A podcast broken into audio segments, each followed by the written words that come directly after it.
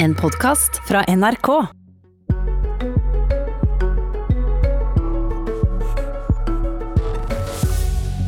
Alle politikere har vært bekymra for de sårbare barna. Men de som nå sitter hjemme med en far som slår eller en mor som er på fylla, må lete godt for å finne hjelp. I koronaens tid ble helsesykepleieren sendt på sykehjem. Barnevernet kunne bare tilby videokonferanse. Helsestasjoner ble stengt.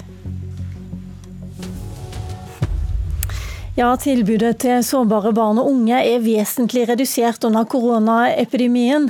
Sånn trengte det ikke ha vært, har vi hørt i Dagsnytt i dag. Og Dette er altså konklusjonen i en rapport som alle direktoratene som jobber med barn og unge nå har lagt fram. Det er Helsedirektorat, Politidirektorat, direktoratene som jobber med utdanning, barnevern og integrering bl.a. Og når barn har det vondt hjemme, så er det jo ikke spesielt lurt å sende hjelperne deres på hjemmekontor, ifølge lederen for koordineringsgruppa, Mari Trommal. Det er særlig bruk av hjemmekontor som er problematisk. Kommuner og sykehus har strammet inn mer enn det som Folkehelseinstituttet har anbefalt, og det gir store konsekvenser for barn og unge. Og Barneombud Inga Beyer Eng, hva er de store konsekvensene for barn og unge av dette? Det gjør at barn ikke får oppfylt sine grunnlovfestede rettigheter. Det kan være rett til beskyttelse, det kan være, og sånn som vi hører her, rett til helsehjelp.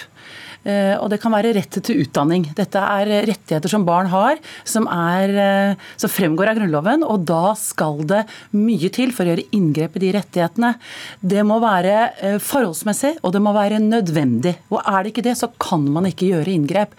Dette håper jeg at regjeringen kan være litt offensive på og si at ja, de reglene der følger vi.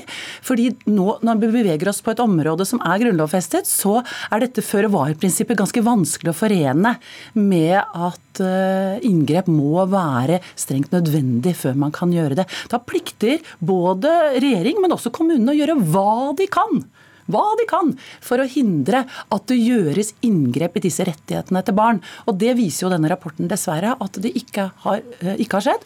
Så nå må vi da samlet sett, både kommuner og regjering, vise den samme kraften som de hadde når de satte inn koronatiltakene, på å snu og sørge for at barn da ikke lider mer enn det de må. Hvordan er det mulig at alle som jobber med barn og unge har overreagert samtidig, barne- og familieminister Kjell Ingolf Ropstad?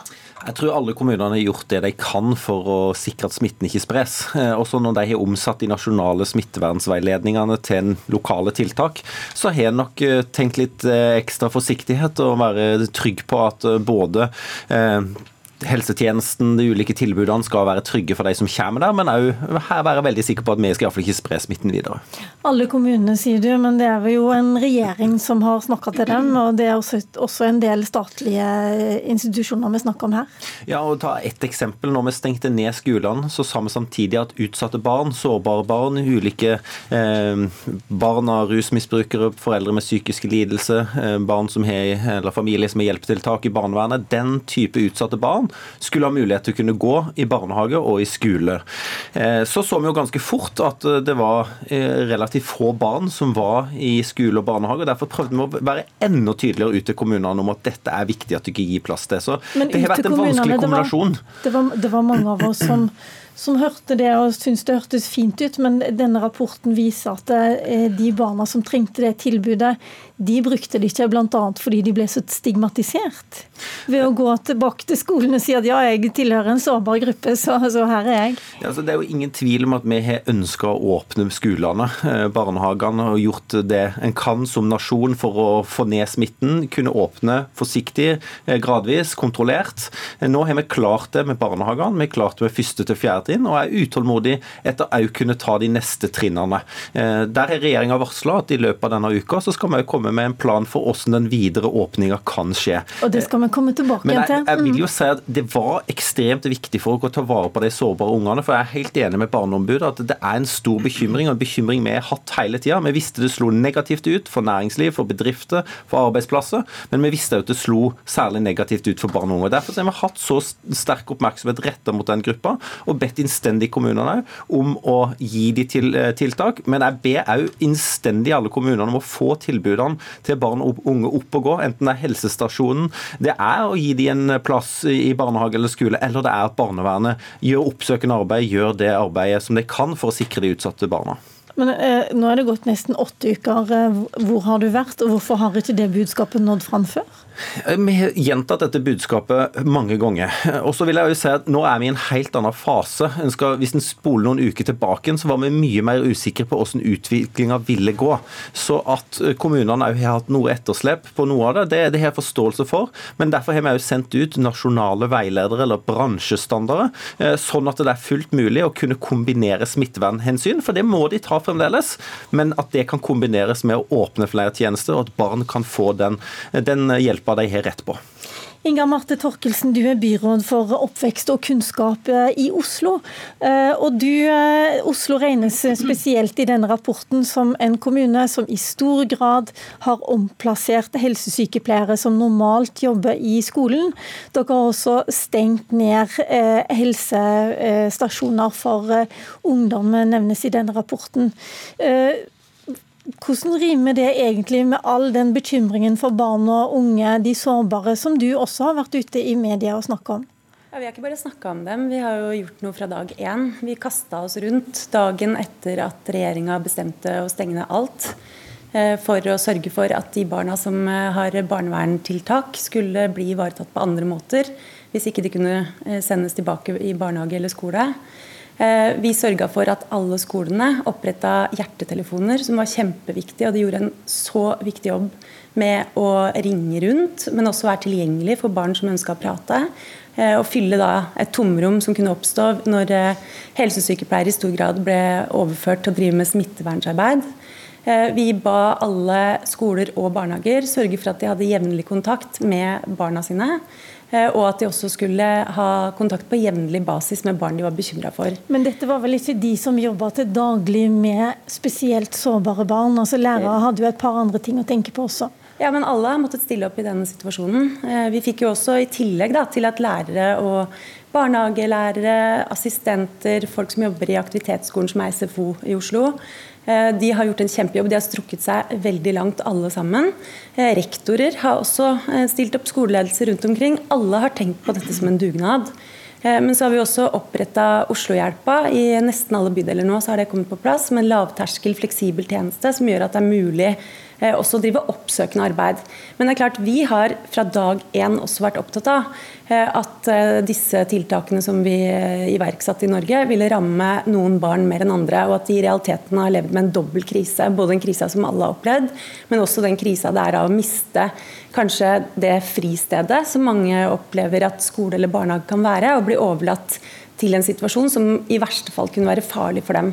Så det var jo, Vi syns det var rart at vi også da måtte jobbe veldig hardt for å få på plass en døgnåpen chattetjeneste bl.a. nasjonalt knytta til alarmtelefonen, som jo burde vært en selvfølgelig del av den norske beredskapen for barn. Men de, Den kom på plass etter hvert, men nå må vi også sørge for at den typen tilbud blir varige framover. Men jeg er også opptatt av at vi må komme tilbake til en normalsituasjon, eller større grad normalsituasjon, for de barna som nå ikke aner hvordan Eh, tilbudet vil være for dem framover. Og hvis ikke vi klarer det pga. smitteverntiltak, som jo er kjempeviktig at vi klarer å ivareta, sånn at ikke vi ikke opplever en backlash igjen, så er vi nødt til å øh, sikre Eh, systemer som gjør at vi i mye større grad kan drive oppsøkende arbeid, sånn at vi kommer i kontakt med de barna som vi nå er særlig bekymra for. Og der trenger vi hjelp. Et lite øyeblikk, eh, bare, Torkelsen. Jeg har lyst til å spørre deg, Inga Behring. Det virker jo litt som sånn etterpåklokskap. Alle var opptatt av å bidra i dugnaden. Alle var opptatt av at også helsearbeidere, også helsesykepleiere som jobber med barn, har krav på uh, å bli beskytta mot smitte. Ja, men når jeg sitter og hører nå, så tenker jeg vi, vi er alle enige om at vi er bekymra. Og vi har vært bekymret lenge. Det hjelper ikke disse barna at vi sitter og er bekymret. Det som hjelper, er at noen gjør noe. Nå har vi fått en rapport som viser at vi har gått for langt. Barn lider unødig. Da må Ropstad, men også Torkelsen, som har ansvar for en stor by, sørge for at de feilene rettes opp umiddelbart. Og så må de også sikre de barna som eventuelt hadde hørt på Politisk kvarter, om at dette ikke skjer videre. At fra i dag av så skal regjeringen og, og kommunene sørge for at det ikke ikke gjøres inngrep i barns rettigheter eh, lenger enn det som er nødvendig. Det er det vi trenger å vite. Hva skal de konkret gjøre framover for å sikre det? Det som har vært gjort til nå, det ser vi har ikke vært nok tyder denne rapporten på. Og da må vi vise litt handlekraft fremover. Det er det jeg etterspør nå. Mm. Da lurer jeg på, Ropstad, eh, Alle disse direktoratene som har kommet med denne rapporten, de har også levert tiltak til deg. Jeg prøvde å lese den rapporten med hvilke tiltak de foreslår, men den er foreløpig hemmelig. Så kanskje du kan fortelle oss eh, hva de foreslår? Ja, Vi, vi har nettopp mottatt den rapporten, og den kommer jeg til å bruke for, eh, inn i det arbeidet vi skal, som er viktig denne uka, med, med tanke på videre, videre plan for åpning av Norge. Men hvorfor får ikke vi vite hva Politidirektoratet, Helsedirektoratet, Utdanningsdirektoratet, Barne-, familie- og ungdomsdirektoratet foreslår? Det er jo fordi at det er en del av det arbeidet vi har i regjeringa. Men uh, vi kommer til å diskutere når det kommer til å bli offentliggjort. Og, for oss er det vært ekstremt viktig nettopp å få innspillene fra disse direktoratene. Få innspill fra Barneombudet, fra fagforeninger, fra ulike frivillige organisasjoner. Fordi de sitter tett på og ser hvordan er ting faktisk ute på, på gata. fordi jeg kan godt si at ja, men nå har vi sendt ut en veileder. nå har vi sørga for at nå kan det åpne, nå kan tilbudet være der. Men det må faktisk gjenspeiles ute for ungene. Og Det rapporten viser veldig tydelig, det er tre ting. Det er at det blir omdisponert personell, at helsesykepleiere, at jordmødre i kommuner der det ikke engang har vært smitte, har blitt brukt i eldreomsorgen eller i smittevernet andre, andre områder. Eh, og, og, dette med at gjennomførte smitteverntiltak har gjort at tilbudet har blitt redusert. Og det tredje som jeg er bekymra for, det er at det er mange som har avlyst avtaler, eller har valgt å ikke booke avtale fordi de frykter for å bli smitta. Derfor så må en gjøre ting på en gradvis og god måte, sånn at en faktisk har trygghet blant familiene, blant ungene som skal bruke disse tjenestene. Nettopp. Og da lurer vi på skal du nå si nei, det er slutt, alle de som jobber for sårbare barn og unge, de skal ikke jobbe på hjemmekontor lenger? Er det noe du skal si nå? Ja, så Ta barnevernet, som jeg er ansvarlig for. Da. Det, er, det er ikke noen grunn til at de, de, trenger å sitte på barnevern så lenge de kan, nei, på, på, hjemmekontor. Så lenge de kan ivareta smittevernstiltakene, når det mener vi er fullt mulig, så kan de sitte på kontor, og ikke minst drive oppsøkende virksomhet. Vi så det ganske tidlig at veldig mange umiddelbart havna på hjemmekontor. Eh, og iallfall de som ikke bruker bussen eller T-banen i Oslo, kan iallfall bruke bilen og, eller sykkelen og komme seg på jobb på en annen måte. Når vi så at det var så mange som valgte å ikke bruke bruke oppsøkende virksomhet, så ga vi veldig tydelig beskjed. Bufdir var veldig tydelig. Så nå håper vi at dette har forbedra seg, og det er ingen grunn til at en ikke skal drive oppsøkende virksomhet i dag. Eh, jeg lurer på, Inga Marte Torkelsen, kommer disse helsestasjonene for ungdom? Jeg sjekka de i går, og de var eh, på vei tilbake. Eh, men kommer de nå til å åpnes helt? Ja, det tror jeg, men det blir ikke som før. Så man kan ikke komme dit og bare oppsøke det uten å ha en timebestilling på forhånd. og Mye vil også foregå på telefon. Og Det er jo fordi at vi er midt oppi en krise. Det er ikke sånn at denne krisa er over. Eh, men vi er opptatt av at vi skal ha et så godt tilgjengelig tilbud som overhodet mulig for barn. Og vi har også gitt beskjed til bydelen om at de må sørge for å ha en fungerende skolehelsetjeneste. Og det har de også rapportert at de har klart å ivareta til en viss grad gjennom krisen, men under de nye retningslinjene som kom fra Helsedirektoratet om at man skulle da bruke personell for å drive bl.a. med smittevernarbeid. Men det som vi er kjempebekymra for nå, det er jo at vi framover nå, pga. den situasjonen vi er i med inntektssvikt i kommunene og med mye større utgifter enn det vi hadde forutsett at vi skulle få, så vil vi være i en situasjon hvor vi ikke har råd til å opprettholde den nivået som vi har i dag på velferden. Så Vi sitter jo og biter negler i kommunene vi nå, med tanke på kommuneøkonomiproposisjonen, revidert nasjonalbudsjett, hvordan kommer dette til å gå? Fordi Hvis ikke vi får en økonomi som er forsvarlig for kommunene, ja, hvem er det som rammes da? Ja, Det kan være disse barna nok en gang. og Det mener jeg det kan vi ikke sitte og se på. Ropstad?